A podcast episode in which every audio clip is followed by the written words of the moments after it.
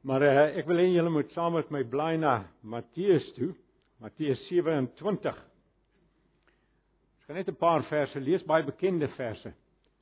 Matteus 27 vers 45 tot 56. Maar voordat ons dit lees, kom ons bid saam.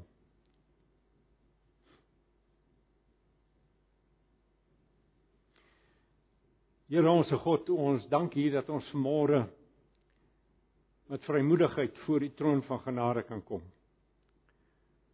Ons kom tot U, onsse Vader, die almagtige, ewige, ongeskaapte Skepper, die liefdevolle Vader. Ons kom tot U, o God die Heilige Gees, wat vir ons 'n trooster is, 'n helper is.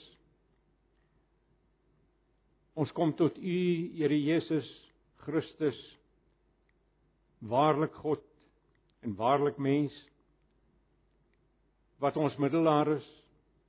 Ons kom dus tot U drie enige God en voor U aangesig is ons vanmôre saam. Ons wil vanmôre waarlik bid dat hierdie byeenkoms van U kinders tot eer en verheerliking van U naam sal wees dat dit elkeen van U kinders sal opbou in die allerheiligste geloof dat u ook vir my wat die woord moet bring besonder sal begenadig deur die Heilige Gees. En as hier mense in ons midde is wat uh nog nie in Christus is nie dat u ook tot hulle sal spreek. Onse Vader baie baie dankie dat ons nou hierdie oordeenking oor die woord hierdie bestudering van die woord waarlik aan u kan opdra en vertrou dat U ons sal help. Ons dankie daarvoor in verwagting. Amen. Matteus 27 vers 45 Vanaf die 6de uur tot die 9de uur het daar duisternis oor die hele aarde toegesak. Julle het onmiddellik gesien dit is die kruisiging van ons Here Jesus wat onder ons vergrootglas is hier die 6de uur die oggend. Uh dis eintlik die 9 9 uur in die oggend in in Palestina. Die 6de uur tot die 9de uur is 12 uur. Het daar duisternis. Ekskuus tog, 6 + 6 is 12. Dis 12 uur die middag, reg in die middag tot 3 uur die middag. Hy is 6 uur die oggend gekruisig natuurlik. Vanaf die 6de tot die 9de ure daar duisternis oor die hele aarde toegesak. En teen ongeveer die 9de uur het Jesus met 'n harde stem uitgeroep. Is met ander woorde net voordat hy sou sterf: Eli, Eli, lema sabachthani. Dit beteken: My God, my God, waarom het U my verlaat? Vir sommige van die wat daar staan, dit hoor, het hulle gesê hy roep na Elia. En dadelik het een van hulle nader gehardloop, 'n spons geneem, dit in suurwyn ge, geweek op 'n riet gesit en vir hom gegee om te drink. Maar die ander het gesê: "Wag, laat ons sien of Elia hom red." Om net vir julle op wys terwyl julle nou die teks voor julle het, het julle opgelet in vers 47 staan daar toe hulle dit hoor. En hier staan daar toe hulle dit sien. Dit laat by mense die indruk dat hy eh, die Here Jesus terwyl dit nog donker was aan die einde van die 3 uur tydperk gesê het my God my God waarom het U my verlaat? Dit was met ander woorde die uh einde van sy besondere lyding daar in die donkerte. En toe kom die lig deur want daar staan in vers 49 laat ons sien of Elia hom kon red. Ek ek hoop nie ek maak te veel van hierdie twee woorde nie maar dit lyk tog vir my of mense dit so kan vertolk. Toe het Jesus weer met 'n harde stem uitgeroep en sy asem uitgeblaas. Mag ek net sê ek gaan vanmôre verwys na van die ander kruiswoorde wat ons in die ander evangelies kry, maar terwyl van die tyd gaan ek dit nie lees nie, maar dit is baie bekend ook sekerlik aan julle. En toe het Jesus weer met 'n harde stem uitgeroep en sy asem uitgeblaas. Vers 51 gaan nou eintlik ons teksvers wees. En kyk, die voorhangsel in die heiligdom is van bo tot onder in twee geskeur. Die aarde is geskud en die rotse is oopgebreek. Die grafte is geopen en baie liggame van ontslape heiliges is opgewek.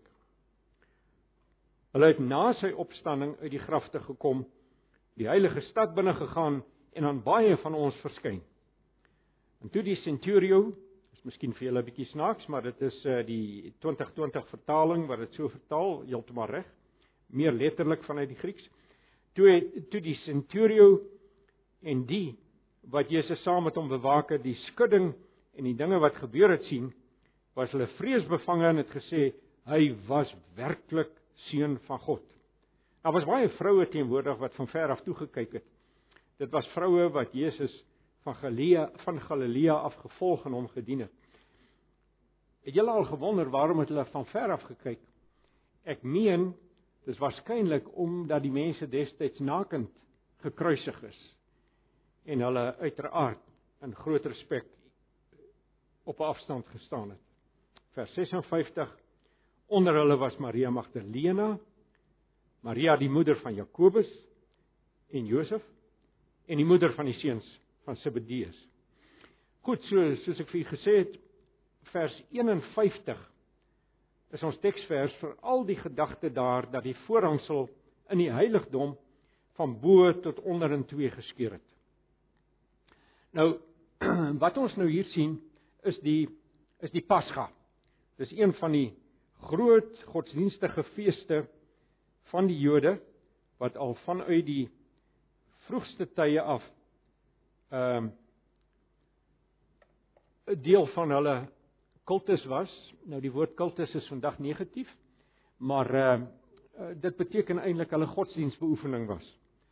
So dit het hulle baie goed geken. Dit is nou al omtrent amper 1800 min of meer 1900ste keer wat hulle die Pasga vier. En uh dis nou weer vandag so 'n dag. Nou ons wat nou terugkyk daarop weet dat dit 'n baie baie baie besondere Pasga was. En uh waarskynlik het van sy disippels dit ook vermoed want uh, julle weet dat hulle vol verwagting was dat die koninkryk sou kom, dat Jesus die koninkryk die aardse koninkryk sou vestig wanneer hulle by Jerusalem kom. Hulle is op hierdie stadium waarskynlik al geweldig ontnugter.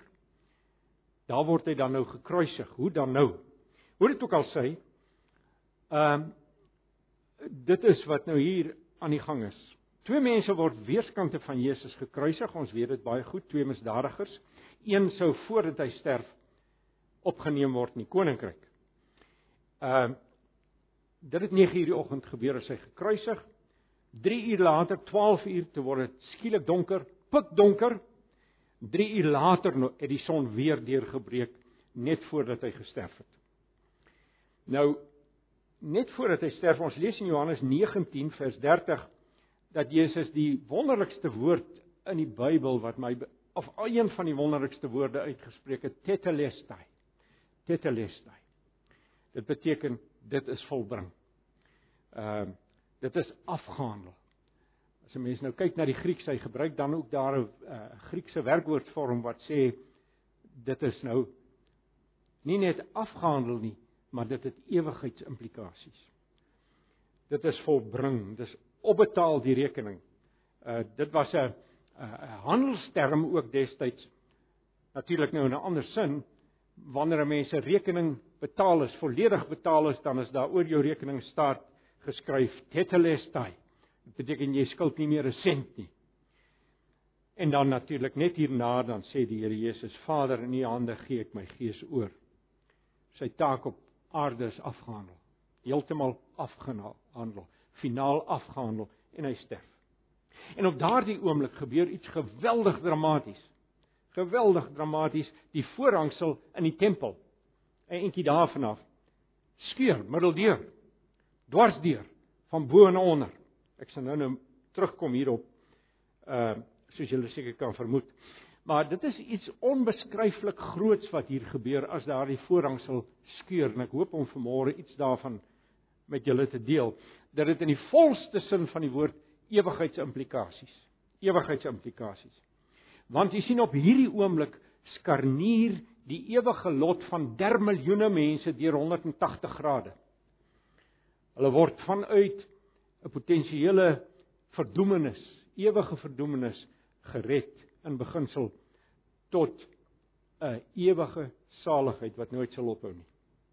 En die natuur verstaan iets hiervan as ek dit kan personifiseer van die grootsheid van hierdie oomblik dit gaan aan die bewe. Daar's 'n aardbewing, rotse skeur uitmekaar uit, grafte gaan oop, ondenkbaar vir ons. Grafte van gaan oop en dan getuig Matteus, hy sê van hulle daai mense het ons raak ons het hulle raak geloop hier. Hulle sou wel weer later gesterf het. Ons het hulle raak geloop hier. Nou moet ons eers na die groot versoendag toe gaan. Dit het 'n paar maande later op die godsdienstkalender van die Jode uh plaasgevind. Die groot versoendag Yom Kippur. Ons ken nou almal nog die woord, sekerlik die woord. Ehm uh, want op daardie dag het die voorhangsel 'n baie prominente plek is verkeerd daar daar word baie aandag gegee. Daar het iets geweldigs gebeur, laat ek dit so stel met die uh, voorhangsel. Uh dit het hierdie hierdie dag was waarskynlik die hoogtepunt van van die Jode se uh jaarlikse godsdienstkalender. Uh want dit was die hoogtepunt van die seremoniële aanbidding van die Jode. Uh so dit gebeur dan op daardie dag skeur die voorhangsel. Ekskuus tog, het die voorhangsel 'n besondere rol gespeel. Um die voorhangsel het in die tempel 'n skeiding gemaak tussen die heiligste die die binne binnekant van die tempel was basies in twee verdeel. Daar was die heiligste en daar was die allerheiligste en die voorhangsel tussen die twee gang uh die allerheiligste kon net die hoëpriester, net die hoëpriester net een dag per jaar en dit was op hierdie groot versoendag kon hy ingaan met offerbloed.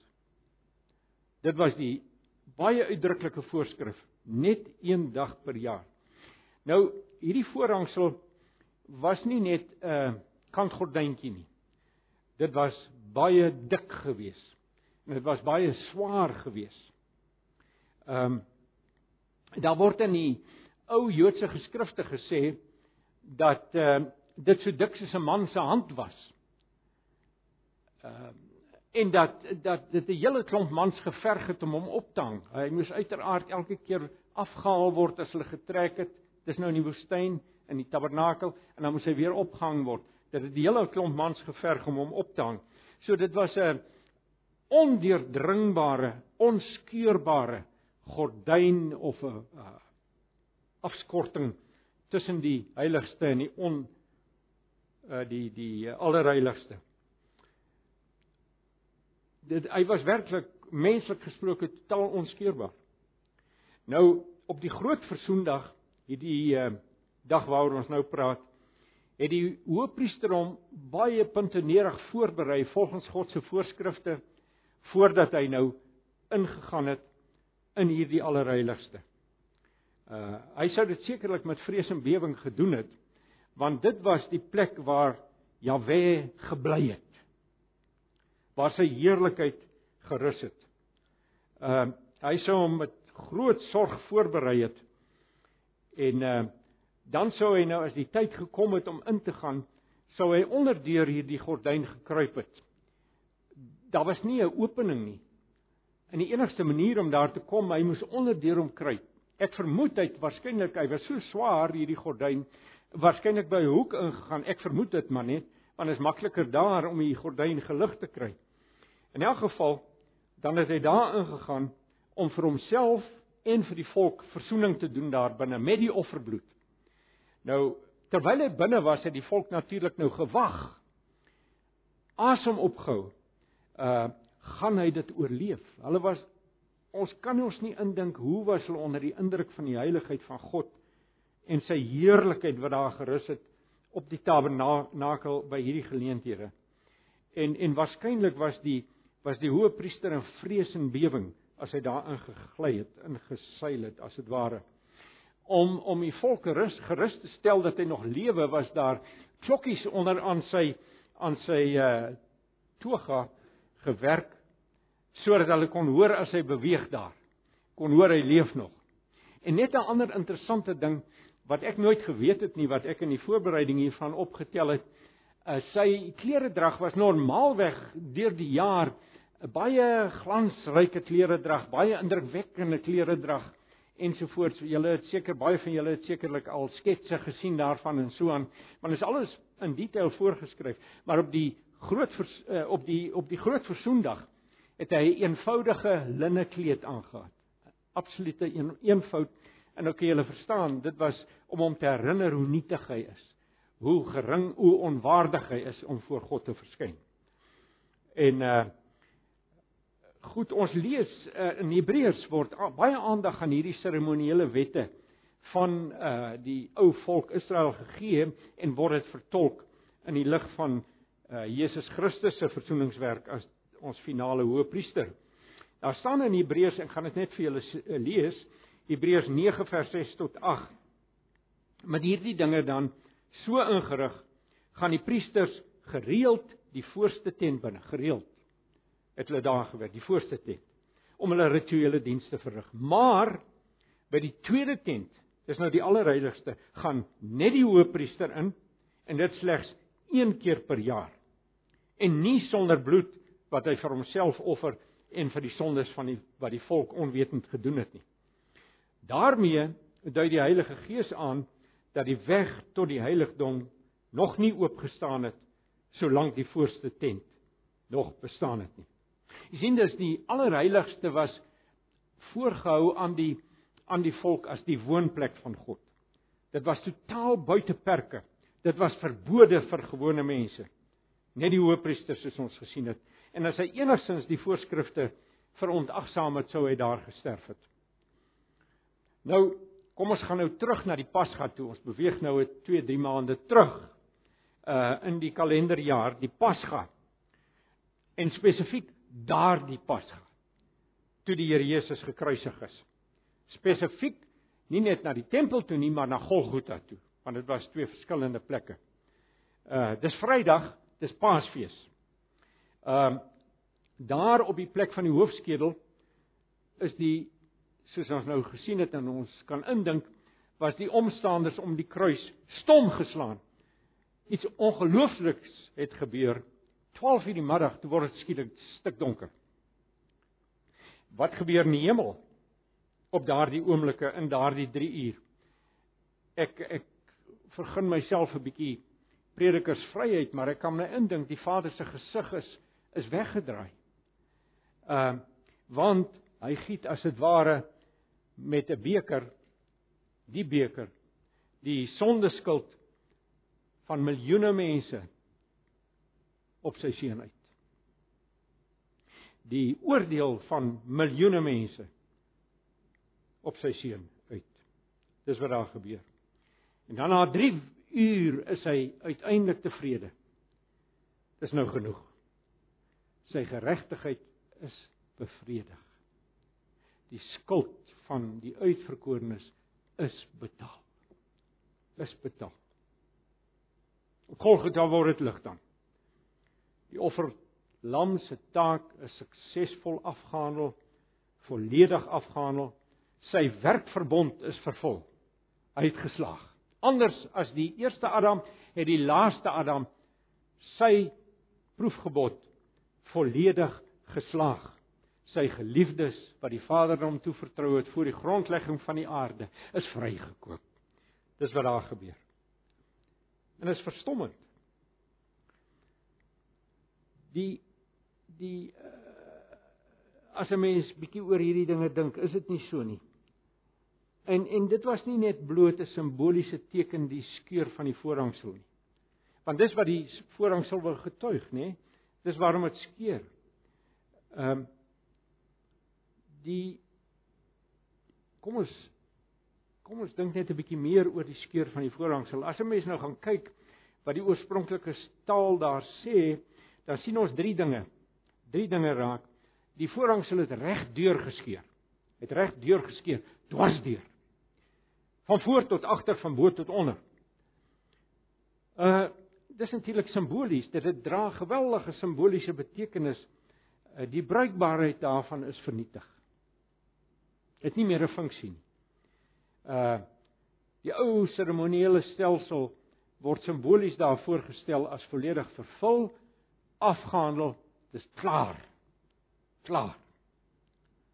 Dis uitgedien eens en vir altyd. Die ou seremoniele stelsel. Daar word verder sê die Grieks in presies in die middel af het die voorhangsel geskeur. Dit kom nie baie goed uit in ons vertalings nie, maar ek het gekontroleer in ander Engelse vertalings want daar's 'n orde van hulle. Party van hulle bring dit uit, maar die Griek sê dit duidelik. Hy dwars deur uh dwars deur die hart van wat dit verteenwoordig geskeur, dwars deur die middel, presies die middel van die van die voorhangsel. En daarmee sê dit weer vir ons die ou seremoniele stelsel is klaar. Dis verby. Middeldeur. Middeldeur. En dan derdens word daar baie uitdruklik verklaar hy het van bo af geskeur tot onder. Dit wil vir ons sê dit is God wat dit doen. Dis nie 'n mens wat dit doen nie, dis God wat dit doen. Daarom word dit van bo af geskeur net hy, hy alleen. Jy sien hierdie is 'n proklamering. Dis 'n verklaring, gesagvolle verklaring van die Here God, van die ongeskaapte skepper van hemel en aarde. Dis 'n proklamering. En dit lê in die hart van die heel beste nuus op aarde. Die evangelie nuus. Die heel beste nuus. Nou goed, nou het ek vir julle beskryf wat daar gebeur het. Kom ons kom nou by toepassing. Wat sê dit vir ons? Wat sê dit vir ons? Wel, in die eerste instansie, nou gaan ek so 'n paar dinge herhaal wat ek reeds gesê het, maar ek wil dit net saamvat. In die eerste instansie was die skeur van die voorhangsel God se proklamering van verzoening. Sy proklamering van verzoening dat die pad van redding uiteindelik oop is vir alle mense, alle nasies, alle tale. Pad van redding is oop. Daar's nie meer net een agter die voorhangsel nie. En daar's nie meer net een wat daar kan ingaan eenmal 'n jaar en wat nie as sodanig daarop gedui het dat hy gered was nie. Maar maar dit dit was die beperking in die Ou Testamentiese tyd. Maar nou nou is die seremoniele stelsel iets van die verlede. Dis verby. Totaal en finaal verby. Nou kan enige een, nou kan almal met God versoen word. Heeldag, aldag kan hulle intree ingaan in die allerheiligste. Hulle kan weer en weer ingaan. Hulle kan met die allergrootste vrymoedigheid ingaan in die allerheiligste in. Hulle kan as dit daarop aankom heeldag daar bly. Enige een. Enige een. Natuurlik op voorwaarde, né? Nee? Jy sou verstaan wat die voorwaarde is seremoniele voorskrifte is nie meer nodig nie. Glad nie, dis verby. Want die seremoniele voorskrifte het alles vooruitgewys na Christus toe. En na wat hy gaan doen. Vol propvol evangelie nuus die seremoniele voorskrifte. Want u sien, laat ek dit nou net sê want julle sê nou sê nou maar wat van die mense wat dood is voordat dit gebeur het. Kyk, van die begin af is mense deur die geloof alleen gered. Abraham het God geglo en dis hom tot geregtigheid gereken. Geloof. Maar hier sien die Ou Testamentiese heiliges want Jesus is eers aan die begin in die in die in die, die eerste eeu gekruisig. Die Ou Testamentiese gelowiges het vooruit gekyk in verwagting. Hulle het deur die Heilige Gees verlig op grond van die woord en die openbaringe van die Here as hulle na die seremoniele stelsel gekyk het, het hulle dwars deur dit gekyk en lê die komende groot lam van God wat hy sou voorsien het hulle gesien en hulle oë op hom vasgenaal in die geloof. Dit was nog baie dof, dit was nog baie uh, vaag vir hulle. Maar dit was hulle geloof. Dis hoe hulle tot uitdruk dit tot uitdrukking gekom het. Ons daarenteen kyk terug. So dis die enigste verskil tussen ons en Ou Testamentiese gelowiges wat gered is.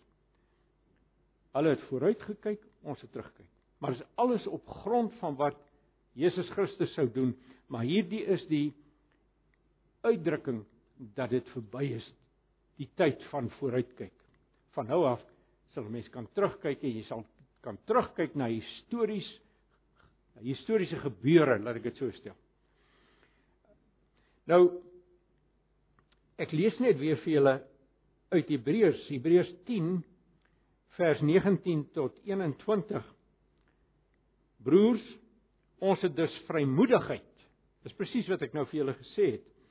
Ons het dus nou vrymoedigheid deur die bloed van Jesus om in te gaan na die heiligdom langs 'n nuwe en lewende weg wat hy vir ons geopen het deur die voorhangsel heen, sien nie? Deur die voorhangsel heen, dit is deur sy liggaam. Kan jy sien daardie voorhangsel was wat geskeur het was terselfdertyd 'n profetiese vooruitkyk na die skeur van Jesus se liggaam aan die kruis. Hy sê en ons het 'n groot priester oor die huis van God. Dis Hebreërs 10 vers 19 tot 21. En dan gaan hy voort daar in Hebreërs 10 en hy spel die erfenis wat ons nou het in Christus uit. In vers 22, 23, 4, 25 kom hy die van julle wat dalk die Bybel daar oop het, let net op. Hy gebruik dan nou daar uh as hy die implikasies en die gevolge van die feit dat uh Jesus Christus se liggaam ges, ge, geskeur is soos die voorhangsel uh om drie implikasies vir ons uit te spel. Eerstens sê hy in vers 22: "Laat ons met geloofsekerheid ingaan." Met geloofsekerheid. So ons weer het ons weer daai woord uh vrymoedigheid. Dit lê dit lê baie na mekaar die twee begrippe. Laat ons met geloof sekerheid ingaan vers 22. Vers 23 sê laat ons die hoop styf vashou. Die hoop is niks anders as as geloof wat vooruitgerig is nie na die beloftes van God. Laat ons die hoop styf vashou. Styf vashou. En vers 24 25 sê hy laat ons die liefde ek sê nou maar uitleef. Hy spel dit nou, hy brei dit daar uit. Uh die van julle wat die Bybel het sal sien hoe hy dit uitbrei. En let op, hy gebruik hierdie Hebreërs skrywer die, die drie begrippe. Kan julle sien geloof en hoop en liefde. Geloof en hoop en liefde. So laat ons 'n geloofsekerheid ingaan. Laat ons die hoop styf vashou. Laat ons die liefde uitleef. En dit is in 'n sekere sin die somtaal van ons roeping as Christene. Goed, dis my eerste toepassing. Dit kom dus net hierop neer, broer en suster, vat hierdie ding, omhels dit, neem dit aan boord in jou gemoed en in jou oortuigings en jou uitlewing van jou geloof. Gaan in in geloofsekerheid. Hoop hou daaraan styf vas. In die liefde leef dit uit. Goed, die tweede punt van toepassing is dit: die oomblik toe die voorhang sal skeur, was dit die finale onomkeerbare sloping van die Levitiese stelsel. Nou julle sal sê ek het dit nou mos al gesê, nou maar ek ek gaan nou 'n bietjie meer uitbrei op die implikasies daarvan. Maar dis die onomkeerbare finale sloping van die Levitiese stelsel. U sien tot in ewigheid wil dit sê daar sal nooit weer 'n skaap lam geslag hoef te word om verzoening te doen vir die volk nie. Selfs het ek hier geskryf nie die lam hoofletters nie. Jesus Christus het eens en vir altyd gesterf. Hy sal nooit weer hoef te sterf nie. Hy het die prys volledig betaal. Volledig en dit is geldig tot in alle ewigheid. Dit is onomkeerbaar geldig. Die tyd van die tempel is finaal verby. Ja, daar was nog vasbuiters destyds wat nadat die voorhangsel geskeur het vir omtrent 40 jaar probeer dit om om die uh seremoniele wet in stand te hou onder die Jode soos julle goed sal wees, maar dan eh, gebruik die Here ironies genoeg die heidense Romeine om die tempel in Jerusalem te gaan gelykmaak met die aarde in die jaar 70 na Christus.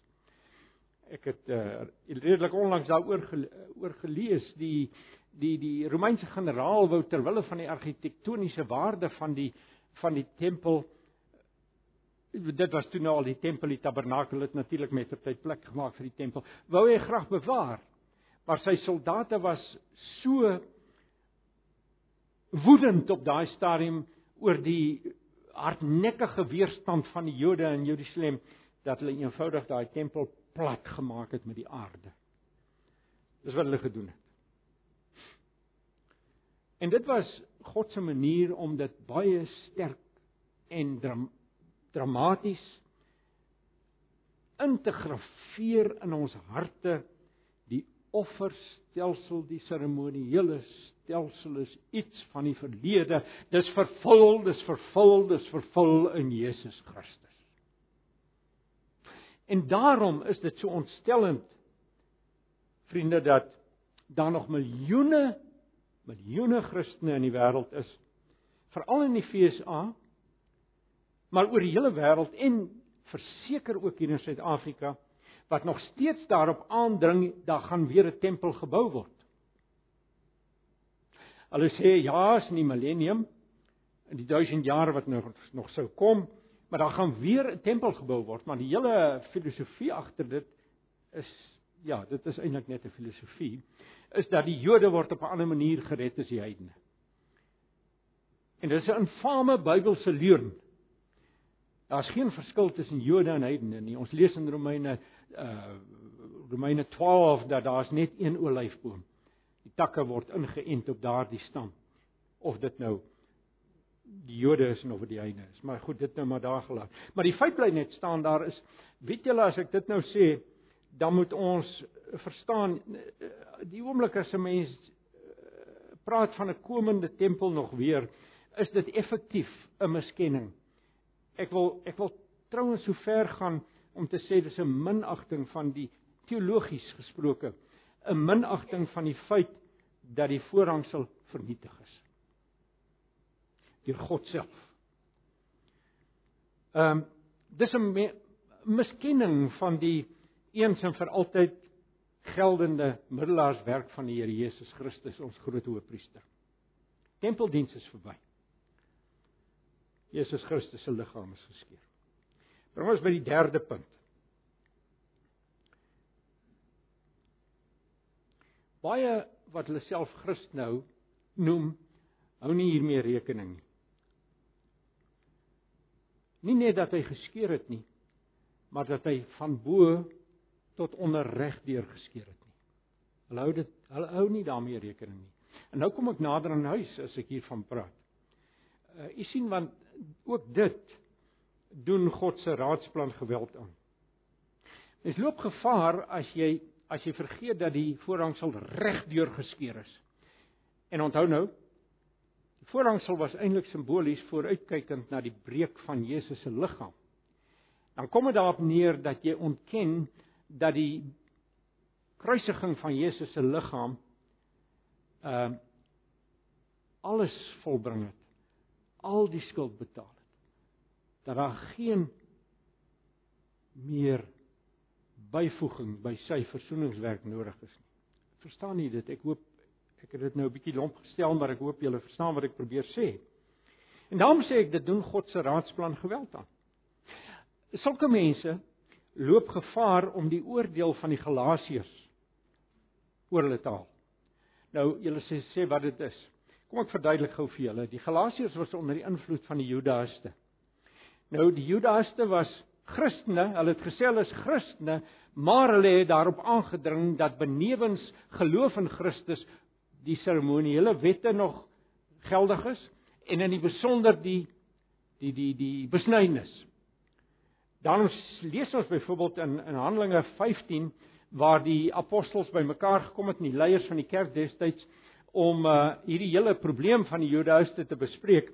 Dan lees ons daar in Handelinge 15 vers 1, reg aan die begin van die hoofstuk, daar het sekere mense van Judea afgekom, luister goed hierna, wat die broers aanhou leer het, aanhou leer het as julle nie besny word oor eenkomstig die gebruik van Moses, kan julle nie verlos word nie sien dit was wat die Judaïste geleer. Jy kan nie verlos word as jy nie besny word. Nou goed, dan kom Paulus en hy later en hy lewer kommentaar hierop in die Galasiërbrief want hy skryf dan nou hierdie brief aan die Galasiërs wat onder die invloed van hierdie Judaïste is. Hy skryf byvoorbeeld daar in Galasiërs 1 vers 6 tot 10 luister nou Hy sê ek is verbaas dat julle so gou van hom wat julle deur die genade van Christus geroep het, wegdraai na 'n ander evangelie toe. Daar is nie 'n ander evangelie nie, roep hy dan uit. Alles daar sommige mense wat julle probeer verwar en die evangelie van Christus wil verdraai. Maar selfs al soue ons of 'n engele die hemel 'n evangelie aan julle verkondig in stryd met wat ons aan julle verkondig het, laat hom vervloek wees. Kan julle hoor julle hoe verontwaardig is die apostel? Twee keer sê hy nou laat hom vervloek wees. En dit is sy manier om te sê mag hy verskoon my dat ek dit so krie uitdruk, mag hy mag, mag so man of vrou hel toe gaan. Soos ons van tevore gesê het, sê ek nou weer vers 9, sê ek nou weer, as iemand aan julle 'n evangelie verkondig wat in stryd is met wat julle ontvang het, laat hom vervloek wees. Probeer ek nou mense tevrede stel of God? Of soek ek die guns van die mense? As ek nog steeds mense se guns sou probeer wen, sou ek nie meer 'n diensknegt van Christus wees nie. Hy sê ek sê hierdie dinge as 'n diensknegt van Christus. En dan gaan hy verder aan en hy hy werk hierdie hierdie dinge uit in in Galasiërs en dan kom hy uiteindelik in 'n uh, eh, in Galasiërs 5 vers 2 en volgende dan sê hy daar vir hulle kyk en ek haal nou weer aan kyk ek Paulus sê nou vir julle as julle julle laat besny sal Christus vir julle waardeloos wees mag ek net tussen hakkies hier sê as party van julle dalk nou bekommerd raak dis nie mediese besnydenis waarvan hy praat nie hy praat hier van seremoniele godsdienstige besnydenis. Daaroor moet nou nou geen misverstand wees nie. Ek getuig weer sê in vers 3 teenoor elkeen wat hom laat besny dat hy verplig is om die hele wet te onderhou. Wat hy daarmee sê is dan bly daar vir jou net een kans oor om gered te word jy met die wet volmaak onderhou die hele wet. Want Christus se verzoening sal vir jou niks beteken dan beter jy eerder daai pad van vat van volmaakte wetsonderhou wat natuurlik onmoontlik is. Vers 4: Julle wat op grond van die wet geregverdig wil word, en hy praat hier van die seremoniele wet. Julle is van Christus afgesny. Julle het die genade verbeur. Vers 5: Want dit is deur die Gees op grond van die geloof dat ons die vryspraak of die regverdiging verwag waarop ons hoop. Want in Christus Jesus is besneedheid of onbesneedheid van geen belang nie maar wel geloof wat deur liefde werksaam is. Hoorie wat sê Paulus hier? Hoorie wat sê hy hy sê as jy nog die besnydenis as 'n seremoniele uh, handeling voeg by die verdienste van Christus het jy die saligheid verbeur daar is vir jou geen redding nie broers en susters wat hier sê is iets geweldigs Dis iets skokkends, dis van die skokkendste woorde in die Nuwe Testament. Jy sien want hy praat hier teen die dwaling van die eh, Judaïste want hulle het aangedring op die besnydenis naas die verdienste van Christus as noodsaaklik vir redding. En wat hy hier sê vir hulle het die voorhangsel nie dwarsdeur geskeur. Kyk, laat ons verstaan. Hulle het geglo die voorhangsel het geskeur. Maar hy het nie dwarsdeur geskeur. Hy het geskeur, dit was Christus se deel. Daai laaste deel van die voorhangsel moet jy nog doen deur jou te laat besny. Ek hoop jy's met my. Ek sien sommige van julle frons. Is dit is dit omdat dit skokkend is of in of dat of omdat dit uh uh onverstaanbaar is? Help my, julle kan my onder die rede in die rede val. Ek sal dit weer verduidelik, want dit is lewensbelangrik dat ons dit verstaan. Ek ek Nou goed. Jy sien die Judaïste het dus net daarop aangedring die voorrang sal dit nie dwarsteer geskeur nie. Nou kom ek nader aan huis. Skrikwekkend is dit dat meer as die helfte en jy moet nou mooi luister ek sal dit nou motiveer hoekom ek dit sê. Meer as die helfte van mense wat hulle self in die wêreld Christene noem. Geld dat die voorrang sal nie effektief dwarsdeur geskeur het nie. Waarna en na wie verwys ek? Wel, die Rooms-Katolieke Kerk byvoorbeeld. Ehm uh, dring daarop aan dat 'n mens die priesters se middelaarskap, Maria se voorspraak en die sewe sakramente, hulle hulle wat hulle glo sewe sakramente is, jy moet die sewe sakramente beoefen as jy gered wil word. Ek sê nie alle individuele Rooms-Katolieke glo dit nie, maar dis die amptelike leer van Rooms-Katolisisme deur die eeue.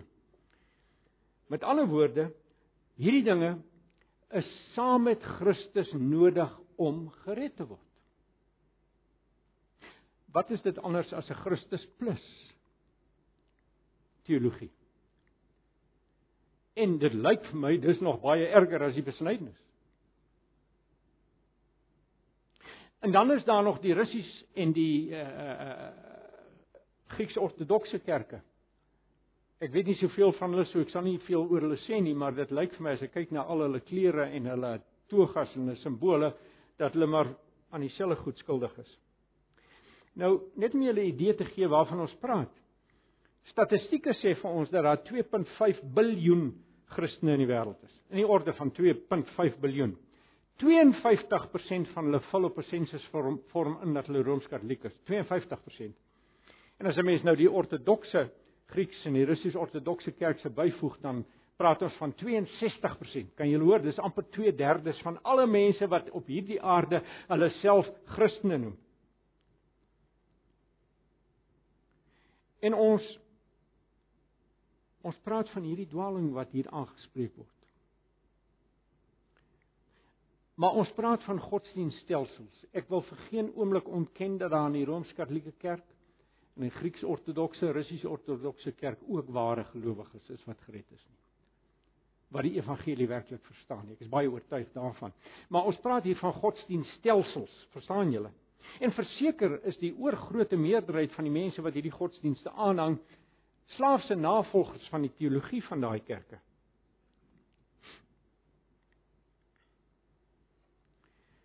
Maar kom ons vergeet net maar van hulle. Wat van die protestante? Mense wat daaraan roem dat hulle wortels in die reformatie van die 16de eeu lê. Wat van die protestante? Hoeveel is daar nie in protestantse kerke wat reël op reël by Christus voeg effektief nie? Dis 'n aanvulling van Christus effektief. Baie mense sal dit ontken. Maar as jy mooi daaroor gaan dink, sal jy besef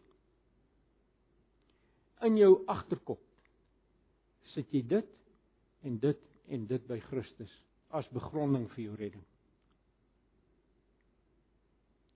Ons is almal geneig hier te broers en susters.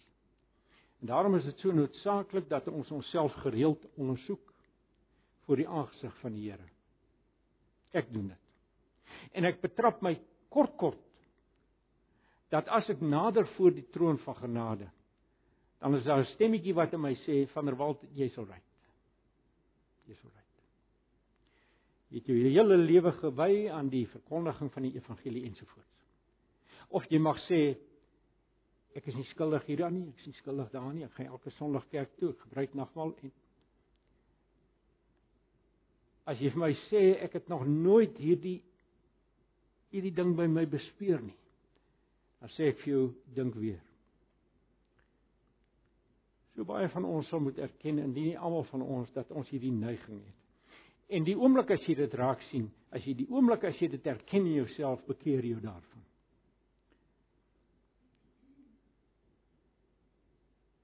Want hierdie neiging sit in ons murg. Dit is nog deel van die oorblywende sonde in ons. Dis nog deel van die ou Adams erfenis wat in ons oorbly. Hy wil hom inwurm in ons lewens in. Maar onthou wat het Paulus gesê en geskryf in Galasiërs oor die Judaïste. Dit bring ons ten slotte uit by 'n wonderlike uitnodiging wat hieruit voortkom. Die wonderlikste uitnodiging van alle eeue. Die Here God het deur sy seun daar te skeur op Golgotha die pad oopgemaak vir sondaars om gered te word. En daarom wil dit ons oproep en doen ek dit dan ook vanmôre. Ek weet nie wie, ek ken nie al die mense hier nie. Dit is baie moontlik dat hier mense sit wat nog nie in Christus is vanmôre. Al sou dit dalk net van ons kinders geld, van ons tieners geld. Dalk van 'n besoeker, maar ek is tog oortuig daarvan. En nou sê ek 'n baie duur ding. Maar selfs in ons gemeentes wat daarop aanspraak maak dat ons glo in wedergebore geredde lidmaatskap sit daar mense wat nie gered is nie. Ek kry 'n rukkie terug 'n brief van 'n man van elders in die wêreld, hy bly daar oor see. Hy was 'n lidmaat van hierdie gemeente toe ek nog die voorganger hier was, die pastoor was. Hy sê vir my, hy skryf vir my, hy sê ek het lank gesoek om jou jou besonderhede in in in aan die hande te kry, maar hy ek, hy skryf uit Europa uit iewers. Hy sê maar ek wil net my getuienis vir jou gee. Hy sê ek was nooit seker dat ek gered was nie. Nooit seker nie. Hy sê en ek was altyd soekende. Ek het nooit geloofsekerheid gehad nie. En dan het ek maar probeer om om heiliger te lewe. Ek het probeer om minder kwaad te word vir my vrou. Ek het probeer om spoedbeperking staan te af. Ek het maar ek het nooit vrede kon kry. En hierdie man kan ek vir julle sê is meer as 10 jaar terug het ek hom laas gesien. Hy sê maar ek het uiteindelik onlangs, relatief onlangs op 'n punt gekom waar ek klaar was gestoei met moraliteit. Ek kon net nie meer nie. Kon net nie meer nie. Ek was klaar. Moenie dink as sommer so 'n man nie, nie. Hy's 'n professionele man. Hy, hy dink hy's hy's 'n denker. Ehm um, hy sê ek was klaar. En toe klaar is, toe bankrot was, het ek net voor die Here gekom en gesê: "Here my God, wees my genadig." Dis en van daai oomblik af het my lewe so verander skryf vir my. sien dis waarvan ek praat. Dis waarvan ek praat. So ek wil dus vanmôre as hier sulke mense hier sit, as hier mense sit wat weet dat hulle nie gered is nie, as hier mense sit wat nog twyfel, wat nog onseker is, wil ek vir jou sê op grond van die woord van God en met die mandaat van Jesus Christus as 'n prediker van die evangelie, kom vandag nog. Moenie uitstel kom vandag nog. Ek het 'n mandaat om dit te sê. En ek rig hierdie uitnodiging tot die vuilste van vuil sondaars. Die Here Jesus wat die leebeker of die Vader wat die leebeker destyds weggegooi het.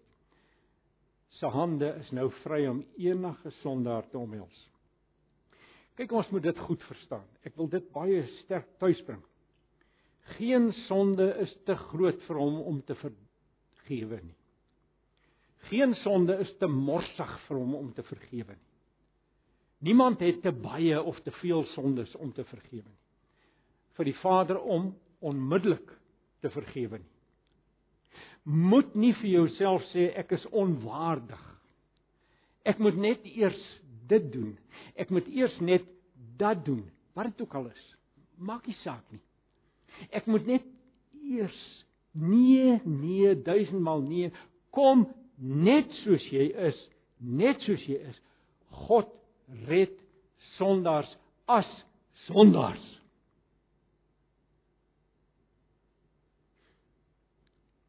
En laat ek dit so stel vir julle illustreer. Dalk hoe meer sonde jy het, dalk dalk is dit beter. Uh, wat bedoel ek daarmee? Dink bietjie aan die misdadiger in die kruis. Daai man was 'n krimineel so ernstig dat hy gekruisig moes word. Hulle het nie sommer enige man gekruisig in die Romeine eh, onder die Romeinse wet nie. Dit was die ergste van misdadigers wat gekruisig is. En julle onthou hoe hy kan ek sê maklik tot bekering gekom. Here, dink aan my as jy in die koninkryk kom. Maar jy sien hierdie man weet nou hy's op die rand van die dood. Hy's moedeloos. Hy't niks meer wat hy kan byvoeg by geregtigheid nie. Hy het niks om vir God te sê nie, ja, nie aan God te bied nie. Dink aan my.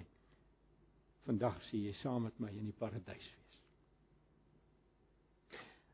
Anders gestel, met wie het Jesus minder geduld gehad destyds toe hy op aarde was? Die Fariseërs of die hoere en die tollenaars?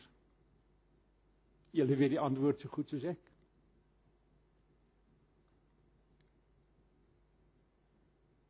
Met ander woorde, dis nie die morsigheid of die hoeveelheid van jou sonde wat diskwalifiserend is nie.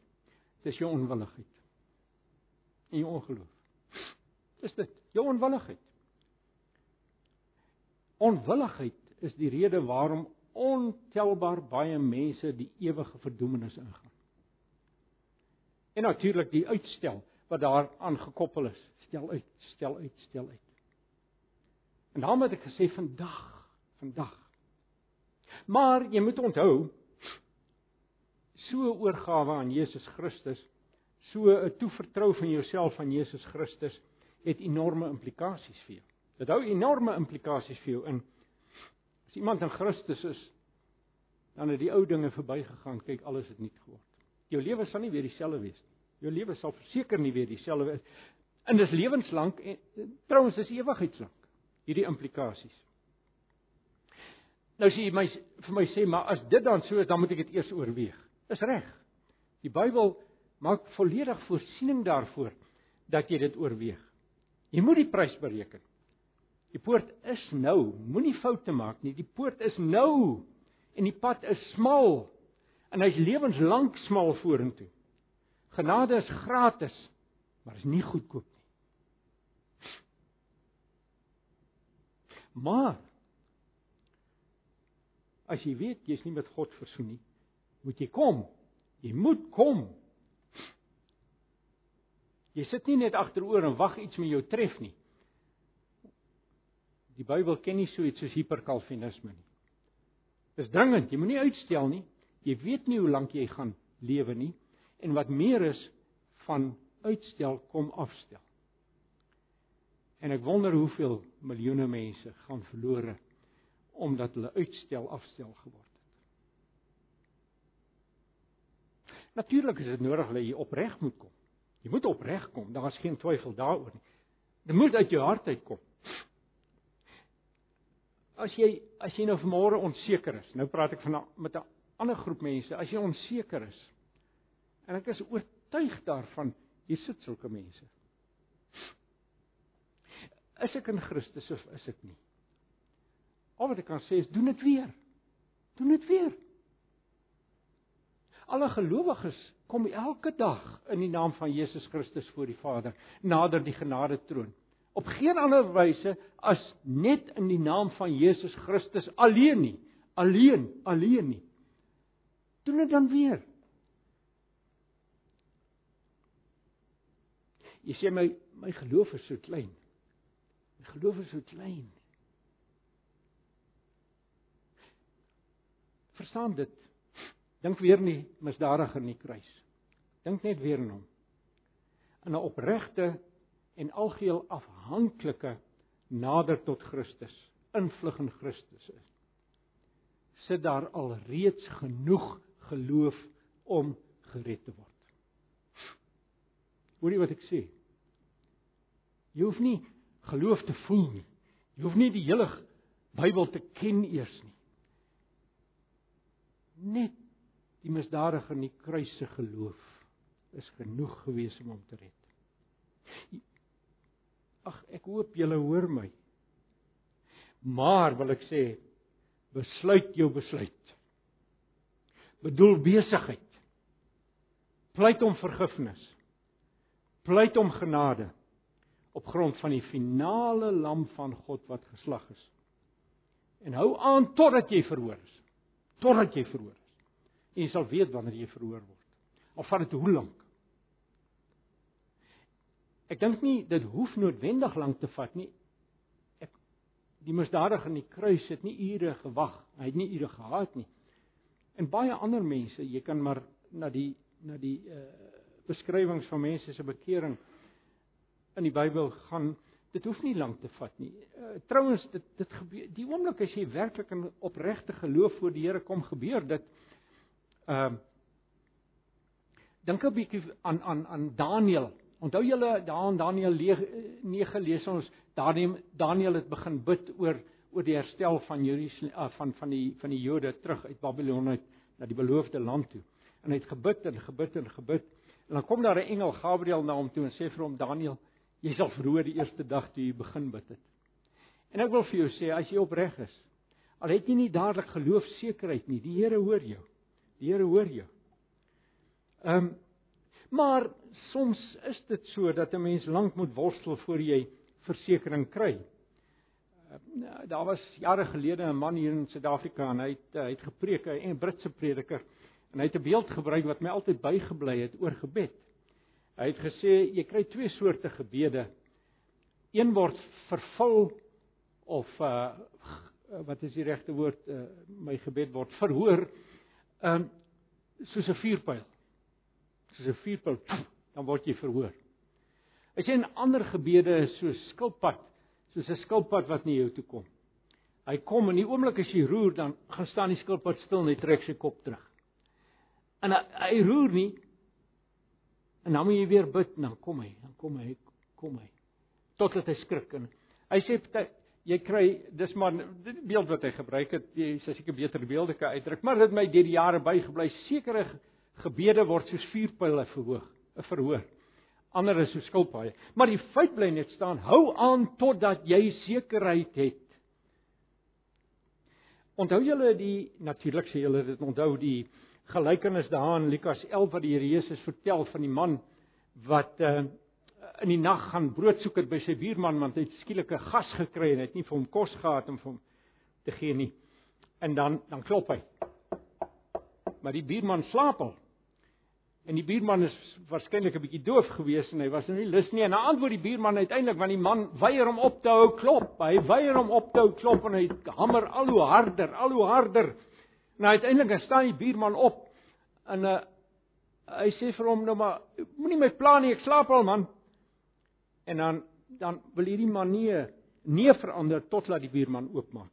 En dan kom die Here Jesus in vers 9 en 10 van Lukas 11 en dan sê hierdie wonderlike woorde. Hy sê vra en vir julle sal gegee word.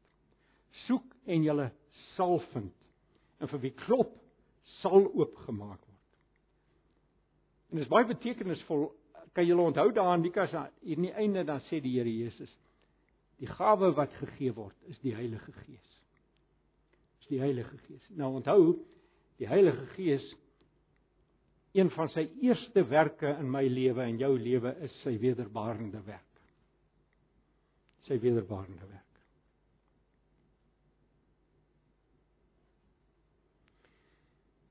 En net 'n laaste opmerking. Meeste mense besef dit nie wanneer hulle tot redding kom, tot tot geloof kom, tot wedergeboorte kom dat Jesus Christus God se groot profeet, priester en koning is. Ehm um, vir die meeste mense wat tot redding kom, hulle dink net nou is die groot priester wat geoffer het vir hulle en wat self die offer was. Vir sover hulle dit verstaan, hoeveel het die misdadiger daarvan verstaan? Ek weet nie. Maar die feit bly net staan, uh, ons dink aan hom as tipies as die priester, maar ons vergeet dat dat hy die profeet was. En ons vergeet dat hy die groot koning is. En dit is baie goed as jy dit voordat jy hierdie oorgawe maak in gedagte kan hou. Jy jy omhels Jesus Christus as God se groot profeet, priester en koning. Dis in hom wat jy invlug. As God se groot profeet, met ander woorde sy woord word van nou af jou wet. Sy woord word nou van nou af die riglyn van jou lewe, die norm van jou lewe waarvolgens jy sal lewe. Natuurlik hy's die groot priester. Ons het daaroor gepraat vanmôre, maar hy's ook die groot koning. As ek net iets persoonlik met julle kan deel, ek het 18 maande in my lewe geworstel met geloofsekerheid. Ek kan julle lank daarmee besig hou. Was intens en dit het toegeneem toe totdat ek ook op 'n dag gekom het soos hierdie man wat nou oor see sit waar ek net nie meer Ek het boedel oorgegee. En laat ek net sê die volgende oggend toe ek wakker word, is ek 'n nuwe mens. En daar sit my vrou, jy kan vra ek was ek is 'n nuwe mens gewees. Hoe dit ook al sê, die interessante na aanleiding van wat ek nou gesê het, is dat ek het groot geword in 'n denominasie waar Christus as verlosser almekaar gepreek is.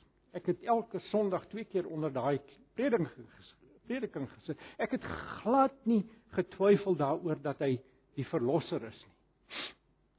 Maar daai 18 maande van oortuigingswerk deur die Gees was oortuigingswerk met betrekking tot sy koningskap. En ek het geweet ek dien hom nie as koning nie. Ek het geweet ek gehoorsaam hy's nie hy's nie regtig die koning in my lewe nie. Van der Walt is die koning. En my oorgawe was toe ek wedergebore is aan hom as die koning.